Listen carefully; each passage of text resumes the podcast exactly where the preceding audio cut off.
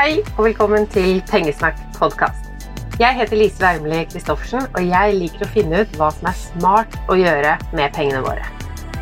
Denne episoden blir mest relevant for deg som eier egen bolig eller har planer om å kjøpe.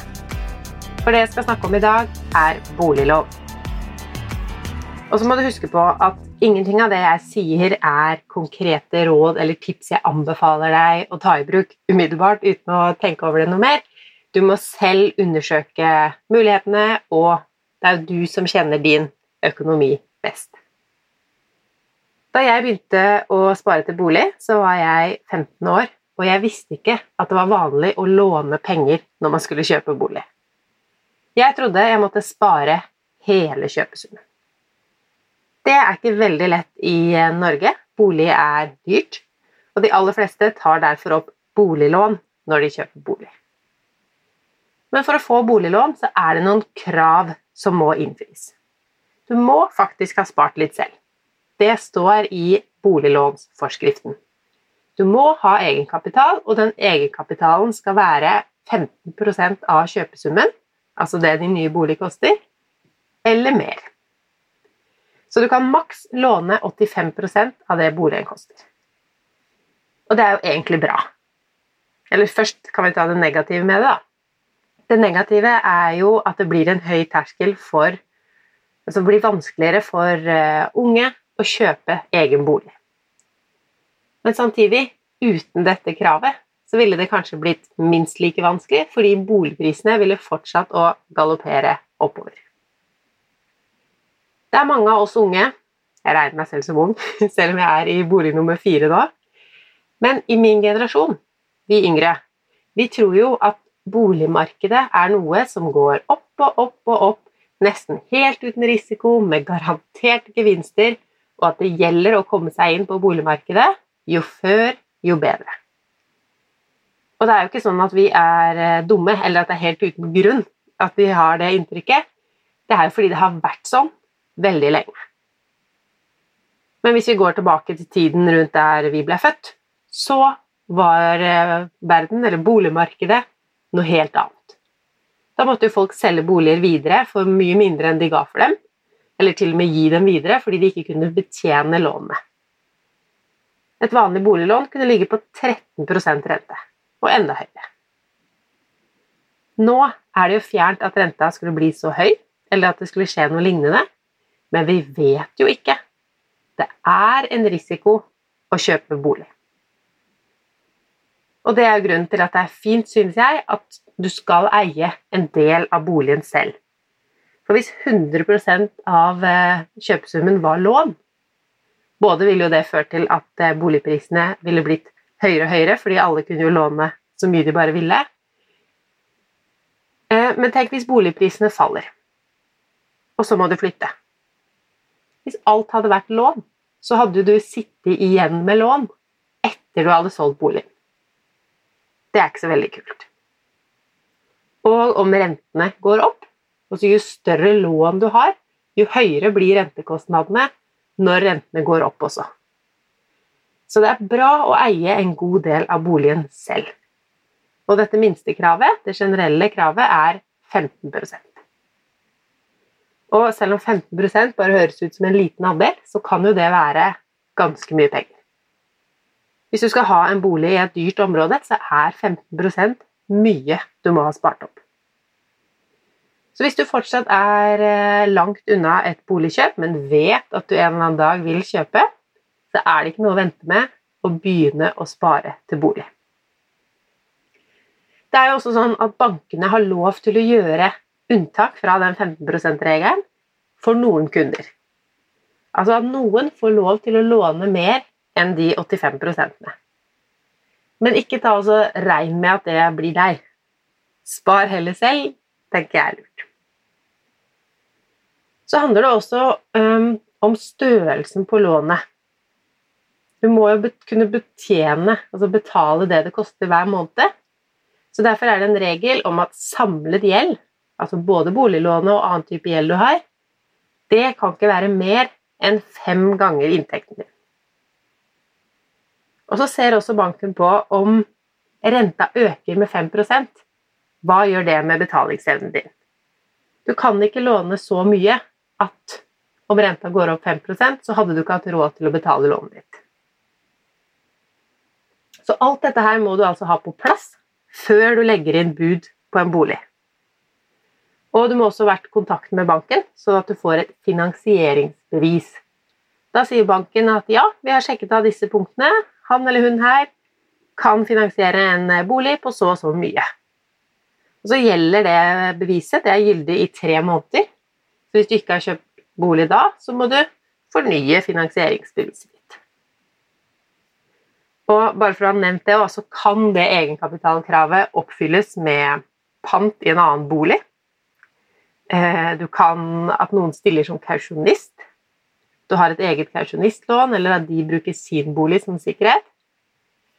Og så er det også sånn nå at BSU-pengene dine de kan du la bli stående på BSU-konto, hvis du har det, men at de allikevel teller som egenkapital, selv om du ikke bruker det når du kjøper bolig.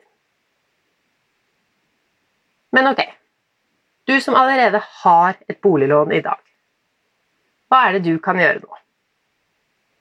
Og det er jo ikke sånn at du trenger å gjøre noen ting, sånn egentlig. Men det første jeg um, skal ta opp, er noe jeg allikevel anbefaler deg. Og jeg snakker om det ganske ofte. Det er jo bare et par episoder siden jeg tok det opp også, men jeg hører at fortsatt mange ikke vet. Og det er ikke så rart. Jeg visste det heller ikke for fem år siden. Og det er at renten du får i de fleste banker, er ikke en sånn rettferdig greie at du får en god rente bare fordi du er du. Så du må altså sørge for en god rente selv. Og det kan holde å bare spørre. Så dette kan være de mest lettjente kronene du tjener i år. Hvis du har boliglån og ikke veit hva renta di er, sett denne podkastepisoden på pause nå, og finn det ut. Steg to blir å sjekke litt innom andre banker, eller søke på Finansportalen eller en annen sammenligningstjeneste. Se hva slags boliglån, altså hvilken rente du kan få i andre banker. Og For å gjøre det søket så må du vite hva boligen din er verdt, sånn cirka, eh, og hvor mye lån du har. Finner du et mye bedre tilbud, så kan du så klart bytte bank med en gang. Men det kan være enda enklere å ha den infoen, ta kontakt med din egen bank og spør om du kan få bedre rente hos dem. Om de kan matche det du har funnet. Bankene vil jo ikke miste kunder om du er en attraktiv kunde for dem. Jeg skrev et blogginnlegg for ikke så lenge siden om hvilke argumenter du kan bruke for å få lavere rente, så jeg skal ikke ta alt det nå. Bare bla deg tilbake til det var sikkert starten av mai, kanskje det var i eh, april. Gå på pengesnakk.no blogg. Men det viktigste er egentlig bare å tørre å spørre. Og ta den telefonen, eller du kan sikkert gjøre det på chat eller e-post. Det spørs litt hva, om du har en egen kunderådgiver, eller om du tar kontakt med banken sentralt. Det kan uansett være at du syns det er litt ekkelt. Banken virker jo som om de har mye makt, og det er de som vet alt, og du er bare en liten kunde. Men det er faktisk du som er kunde. Det er deg bankene tjener penger på. Og for de fleste av oss så finnes det andre banker som også vil ha oss som kunde. Og da er det du som har makten. Så tør å ta den telefonen, for det kan lønne seg veldig. Det er stor forskjell i rentene om dagen. Det aller laveste du kan få, som jeg har fått med meg i hvert fall, er 1,3 nominell. Da må du være fagorganisert, du må være ung, så er det ikke sikkert du kvalifiserer for så lav rente. Men sjekk opp og få i hvert fall en lav og god rente. En av grunnene til disse rentenedsettelsene i år fra sentralbanken, som jo har ført til Eh, lavere rente i bankene, det er jo at bedrifter skal klare seg. Eh, og de bedriftene som går bra, at de skal kunne investere mer. Men også at vi vanlige folk skal bruke mindre penger på renter og mer på å holde hjulene i gang, altså samfunnet. Så velg ut hva du vil bruke de sparte rentekronene på. Noen alternativer. Eh, det første er jo å bruke dem. Eh, og det gjør jo vi. Vi pusser opp. Eller for å være helt ærlig, Tom pusser opp. Så det er eh, byggevarekjeder og sånn vi bruker mest penger på om dagen. At det også øker boligverdien vår på sikt, det vet jeg jo ikke 100% men eh, jeg tror jo det. Det blir i hvert fall mye finere her. Og så er det også sånn at vi har tenkt å bo i den boligen her i 20 år, eller kanskje 30 år. Så det vi gjør nå, det rekker å bli umoderne igjen før vi skal selge. Så vi gjør det først og fremst på vår egen eh, trivsel. Men hvis du har noen prosjekter som du kanskje har hatt på vent, ting som burde vært gjort, det kan være en fin tid å gjøre det på nå. Om du er en av dem som har bedre økonomi nå enn på starten av året. Korona og tiltakene, permitteringene, de har jo skapt et voldsomt skille. Altså De som mister inntekt nå, er, mange av de er i den gruppen som fra før av ikke hadde så mye å gå på. Mens de som har nok, stabil økonomi og trygge jobber, de har fått bedre økonomi gjennom krisen, bl.a. gjennom lavere rente. En annen ting som du kan bruke rentekronene på, altså de du sparer nå, det er å lage din egen fastrente. Det kan være et godt tips.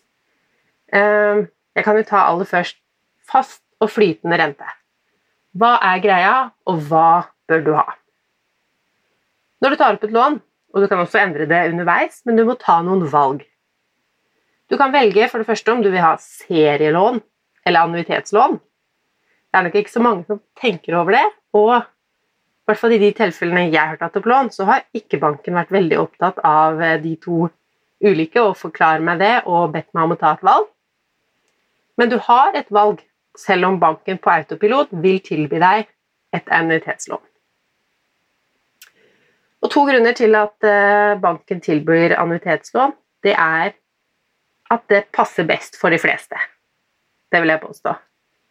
Og Det andre er at eh, banken tjener mer på at du har et annuitetslån enn om du valgte serielån, hvis du følger betalingsplanen. Men det er altså mulig å velge, og jeg stilte dere spørsmålet i Pengesnakkerne Facebook-gruppa i forrige uke, og da er det flere av dere som har valgt serielån.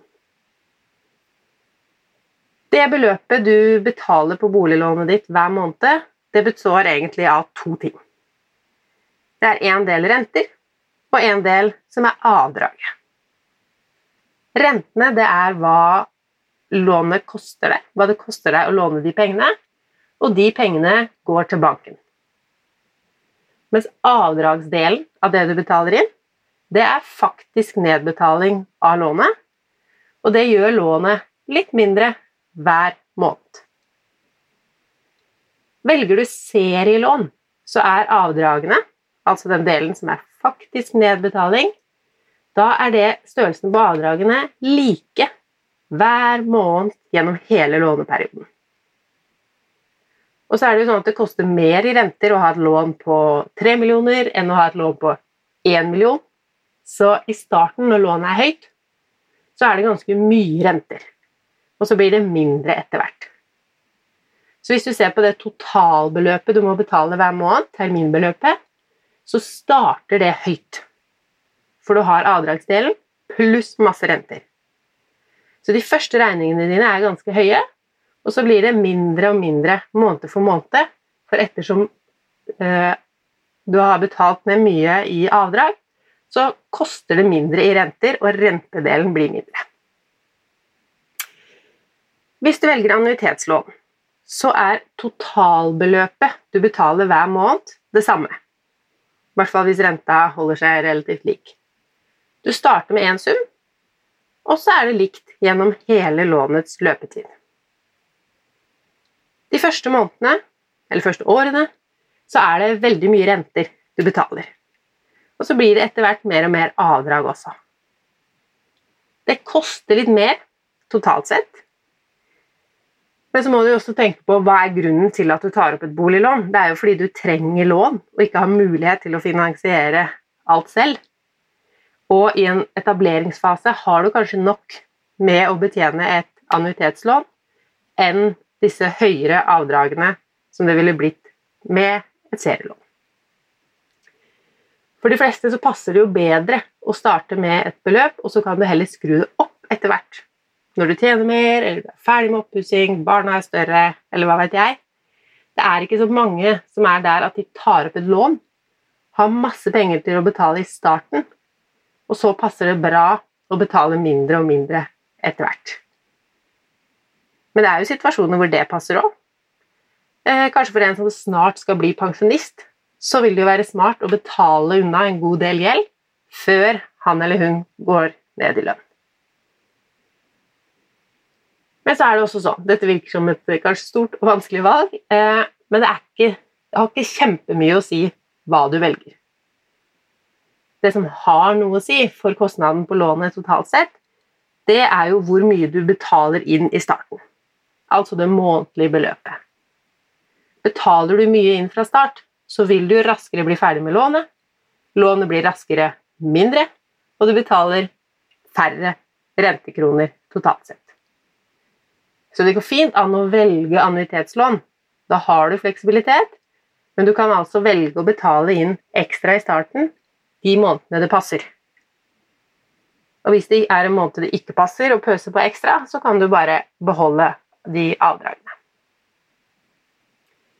Og så er det jo dette med fast og flytende rente, som også er et valg du må ta. Hva skal du velge? En fast rente den vil være fast gjennom hele lånets løpetid. Eller du binder for et visst antall år. Da. Du kan binde for ti år hvis du har et eh, lån. Du kan binde for tre år, fem år. Og innenfor de åra så er renta bestemt på forhånd. Så får du en prosentsats som banken oppgir, f.eks. renta er 3% i ti år, og så vet du det. Hver regning koster det samme hvis du har annuitetslån med fast rente, og det er eh, trygt og forutsigbart. Hvis du derimot velger en flytende rente, så vil den svinge og variere gjennom lånets løpetid. Så den renta kan jo bli satt opp. Og da må du på seks ukers varsel kunne bla opp mer hver måned for lånet ditt. Men fordelen med flytende rente er at den eh, ofte, eller som oftest, har vært lavere enn fastrente. Og nå, for eksempel, nå har jo renta gått såpass mye ned. Den var jo ikke veldig høy i utgangspunktet, men de fleste av oss har nå et prosentpoeng lavere rente enn vi hadde for bare noen måneder siden. Og det utgjør ganske mye penger. Så får jeg meldinger fra dere som har valgt fast rente, som spør hvorfor får ikke jeg lavere rente nå som renta er satt ned? Er ikke det litt urettferdig? Og jeg kan skjønne at det føles sånn nå. Men det var den risikoen du tok da du valgte å binde renta. Du har låst renta di. Og de som har flytende rente, de har jo også tatt en risiko. De har jo egentlig tatt en større risiko, fordi renta kan nå gå veldig mye mer opp enn den kan gå ned. Så det er mindre gambling å binde renta, selv om det mest sannsynlig ikke vil lønne seg. Så la oss si f.eks. du har 1,7 i eh, fast rente. Det er jo mer enn de kanskje 1,5 som du har i flytende rente nå. Men hvor lav kan den flytende renten egentlig bli? Det kan jo ikke bli så veldig mye lavere. Når den nå er 1,5, la oss si den kunne blitt 1, da. Da er jo det maks du kan tape fra å ha den bundet på 1,7 til å få den laveste renta på 1, det er jo 0,7 prosentpoeng. Men hva annet kan skje enn at renta fortsetter ned? Minst like sannsynlig er at den, eller mye mer sannsynlig egentlig, er jo at den blir høyere. Og den kan jo bli mye høyere enn 0,7 prosentpoeng opp. Renta kan være 4% eller 7 eller 13 Da kan du kose deg med at du låste på 1,7. Det er altså Du kan tjene veldig mye, men mest sannsynlig vil du tape litt. Det er min spådom, da. Eller etter hvordan det pleier å være med fastrente. Du betaler nok litt mer, men du har en trygghet i at avdragene dine ikke kan skyte i været. Kan jo også legge til at det er mulig for deg som har fastrente, men som nå vil ha flytende, det går an å kjøpe seg ut av en sånn avtale. Men det er ikke spesielt gunstig. Du får regne på det i ditt tilfelle, men for de fleste så lønner det seg ikke, fordi banken vil ha betalt den renteforskjellen i kroner fra deg uansett. Nå har jeg snakket om eh, serielån, annuitetslån, fast og flytende rente. Og tilbake til det tipset som jeg starta med å skulle dele, eh, som er lag din egen fastrente. Og det handler jo om hva vi kan gjøre med Du har fått lavere rente på boliglånet ditt. Håper jeg. Kanskje har du enda mer å gå på. Lov meg at du sjekker opp det. Hva skal du gjøre med den differansen mellom før og nå? For oss i januar så hadde vi over 20 000 vi betalte hver måned. Og denne måneden så var det 18 700. Så det er jo 1500 kroner i måneden i forskjell. Eh, det blir 18 000 kroner året. Hos oss så går de pengene rett i oppussing, men de pengene kan du bruke til å betale ned på boliglånet ditt, eller spare på en sparekonto. Og det kaller jeg å lage din egen fastrenteavtale. Fordi du forholder deg til, og later som, du har den renta du hadde i januar og februar. Fortsett å la like mange kroner gå til boliglånet nå. Dette gjelder så klart ikke deg som er permittert eller av andre grunner sliter akkurat nå. For deg så håper jeg denne renteforskjellen hjelper til med å få det til å gå rundt akkurat nå. Men til deg som har like god økonomi som før, du trenger ikke å la pengene gå til forbruk. Du kan bruke de til å sikre deg selv og økonomien rundt boliglånet ditt. Så enten du fortsetter å betale inn det samme beløpet hver måned Det er litt forskjell fra bank til bank om de da korter ned på eh, den totale løpetiden på lånet, eller om de gir deg lavere månedsbeløp framover. det har uansett ikke så mye å si. Du kan betale inn for mye hver eneste gang. Det senker lånet ditt, og det sparer deg for rentekostnader i det lange løp.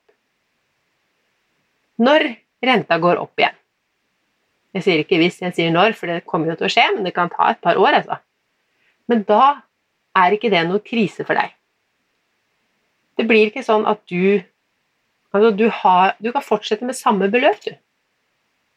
Kanskje også om renten har gått opp til et høyere nivå enn den var i januar 2020, fordi du har fått nedbetalt en god del ekstra. Så dette er supert for deg som ellers ville ha brukt pengene på tull. Da er det jo mye bedre å ha brukt disse årene eller året med lave renter til å ha nedbetalt lånet mer. Alternativ nummer to blir å sette de pengene inn på en sparekonto som du oppretter. Den kan du kalle for boligbuffer eller kanskje boliglånsbuffer. Grunnen til å gjøre det istedenfor å betale det rett inn på lånet nå, det er at nå som rentene er så lave, så finnes det banker som tilbyr deg høyere rente på sparekonto. Og når rentene går opp igjen, så kan du betale inn dette beløpet som en engangssum, eller bruke litt måned for måned for å få nedbetalt boliglånet underveis etter hvert. Høres det lurt ut? Når du kan la penger vokse, kanskje vokse er å ta i, men i hvert fall følge inflasjonsmålet og litt over, Beste sparerente i Norge nå er 2,3% så vidt meg bekjent.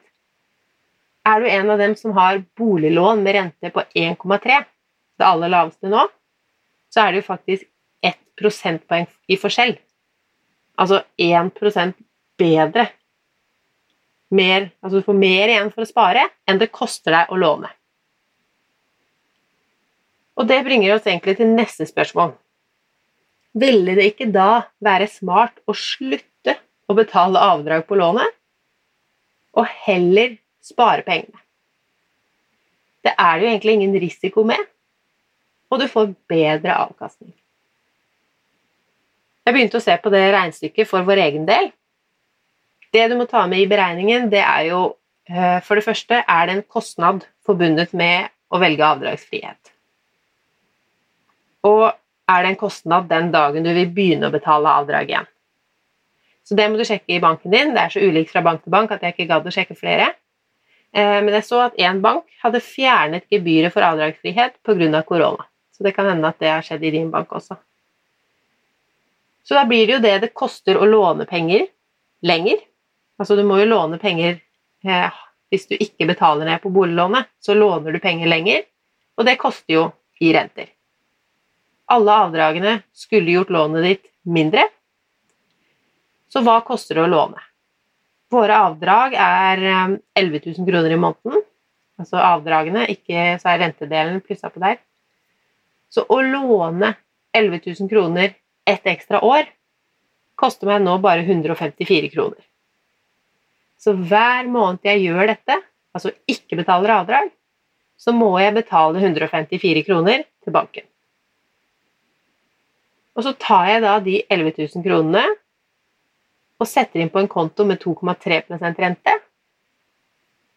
For hver måned jeg gjør det, så tjener jeg 253 kroner i året. Så da vinner jeg differansen, som er ganske nøyaktig 100 kroner. Så hver gang jeg velger å spare istedenfor å betale avdrag, hver måned jeg gjør det, så blir det 100 kroner i året. Det er ikke så mye, men hvis jeg gjør dette i noen år, og renteforskjellen holder seg såpass stor, så blir det faktisk tusenlapper. Men vi vet jo heller ikke hvor lenge denne forskjellen i utlånsrente og innskuddrente vil vare. Enda et steg, da. Neste steg igjen for deg som er glad i lettjente penger, det vil jo være å Altså det er ikke så mye å tjene 100 kroner i året for hver måned jeg utsetter betalingene og heller sparer. Men hva om jeg låner mer og setter på konto? Hvis jeg låner 1 million kroner i ett år Det koster meg akkurat nå 14 000 kroner å låne det for et år. Hvis jeg sparer den summen på en sparekonto, så er gevinsten hva ble det? Over 10 000 i hvert fall. Jeg regna ut at da er det 9000 kroner tjent. Men så må du jo trekke fra gebyrer for å etablere lånet, hvis det er noe sånt. Eh, men det er faktisk mulig akkurat nå for deg som har 100 eh, kontroll. Altså hvis du starter å bruke det du har på konto, eller det du sparer på å ha avdragsfrihet, så er det jo en tap-tap-situasjon. Så dette er kun noe å tenke på for deg som har full kontroll, deg som har et så lavt boliglån at du faktisk eh, kan ha avdragsfrihet og faktisk kan låne opp. Så du får avgjøre selv om det her er noe å begynne å tenke på og regne på for deg. Ikke en anbefaling, men kun noe man kan tjene på, og som faktisk er mulig nå uten en risiko. For eh, oftest er det jo sånn at hvis du skal Hvis du utsetter boliglånet for å investere i aksjer og fond, f.eks. Mange har jo tjent gode penger på det, men der har du jo et risikoelement som du ikke har når det gjelder å ha penger på sparekonto. Det jeg ikke har snakka om så langt i dag, men som mange av dere er fan av, det vet jeg, det er det som heter fleksilån. Eller rammelån, boligkreditt, det har litt ulike navn. Det er også en måte å ha boliglånet sitt på. Og det fungerer sånn ja, For det første så er det ikke alle som kan få innvilga det. Du må eie over 40% av boligen din selv. Så fra start, hvis du ikke har veldig mye egenkapital, så må du starte med et serielån eller annuitetslån, og så kan du få innvilget dette her etter hvert. Det som er med et sånt fleksibelt lån, det er at du ikke har en nedbetalingsplan. Du må kanskje betale renter hver måned, Eh, men det er litt ulikt i de ulike bankene. Du må uansett ikke betale avdrag.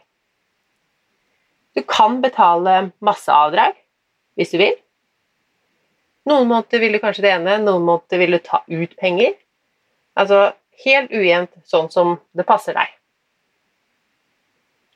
Så hvis du f.eks. har en jobb hvor du tjener masse penger med noen bonuser en måned, og så har du måneder hvor du egentlig ikke har råd til å betale inn noe avdrag, så kan et sånt fleksibelt lån passe for deg.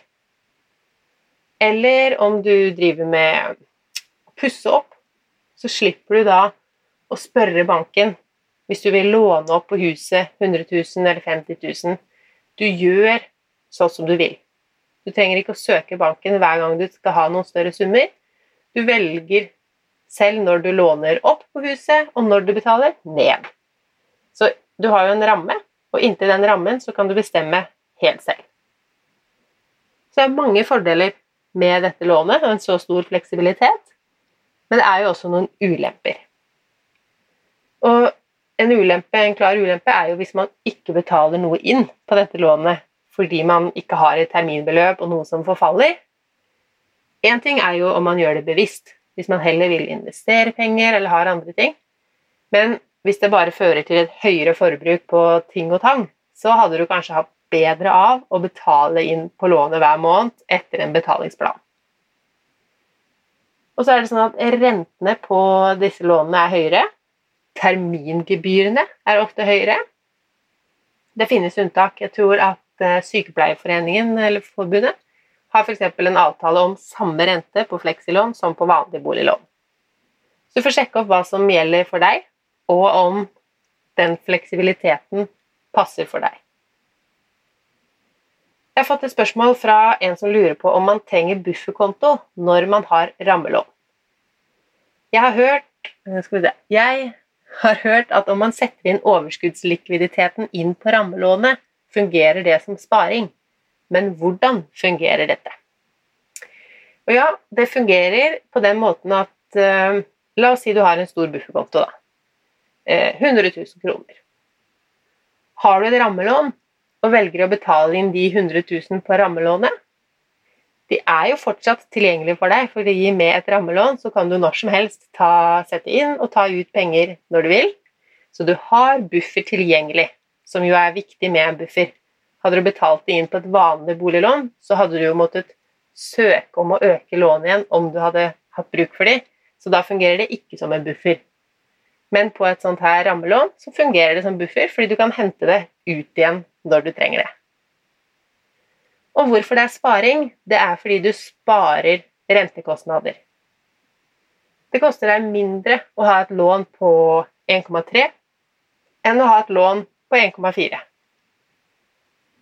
Men akkurat nå, som jeg har snakket om, så er rentene på boliglånet lave, og det finnes en del sparekontoer som du får bedre rente på. Nå vil det heller lønne seg å faktisk ha pengene på en bufferkonto. Selv om i veldig mange tilfeller så lønner det seg å heller ha bufferkontoen inni rammelånet. Så da må du følge med på om, altså hvilken rente du har på rammelånet, og hvilken rente du har på sparekonto. Et siste spørsmål i dagens podkast. Lønner det seg å betale ned mer på boliglånet? I så fall er det en viss prosent man bør komme seg under før man stopper opp med ekstra betaling. For å ta det siste først ehm, jeg, jeg er jo en trygghetssøkende person og ville nok hatt et lavt boliglån før jeg stoppet opp å betale ekstra. Eh, men det bestemmer du jo selv hvor stor risiko du er villig til å ta. Og det kommer jo tilbake til det første spørsmålet ditt, om det lønner seg å betale ned mer på boliglånet. Det kommer an på. Det, om det lønner seg, det kommer an på hva alternativet er. Hvis du øh, istedenfor å betale ned mer på boliglånet, gjør noe med de pengene som gir deg høyere avkastning, enn det det koster deg å låne pengene, så lønner det seg faktisk ikke å betale ned mer på boliglånet. Hvis du gjør noe som lønner seg mer. Men hvis alternativet med de pengene er å ikke gjøre noe spesielt, bare la pengene gå til forbruk, ja, da lønner det seg mer å betale inn på lånet. For Det er jo ikke sånn at det lønner seg å ha lån automatisk. Selv om vi kanskje hører at folk snakker om det, spesielt nå som det er billig å låne penger, så koster det penger å låne penger. Men gjør du noe smart med pengene, så lønner det seg å ha lån. Men det lønner seg ikke å ha lån for å bruke mer penger på tull. Det var vel eh, lån oppsummert i en setning. Vi snakkes igjen eh, neste mandag. Takk for at du hørte på Pengesnakk podkast.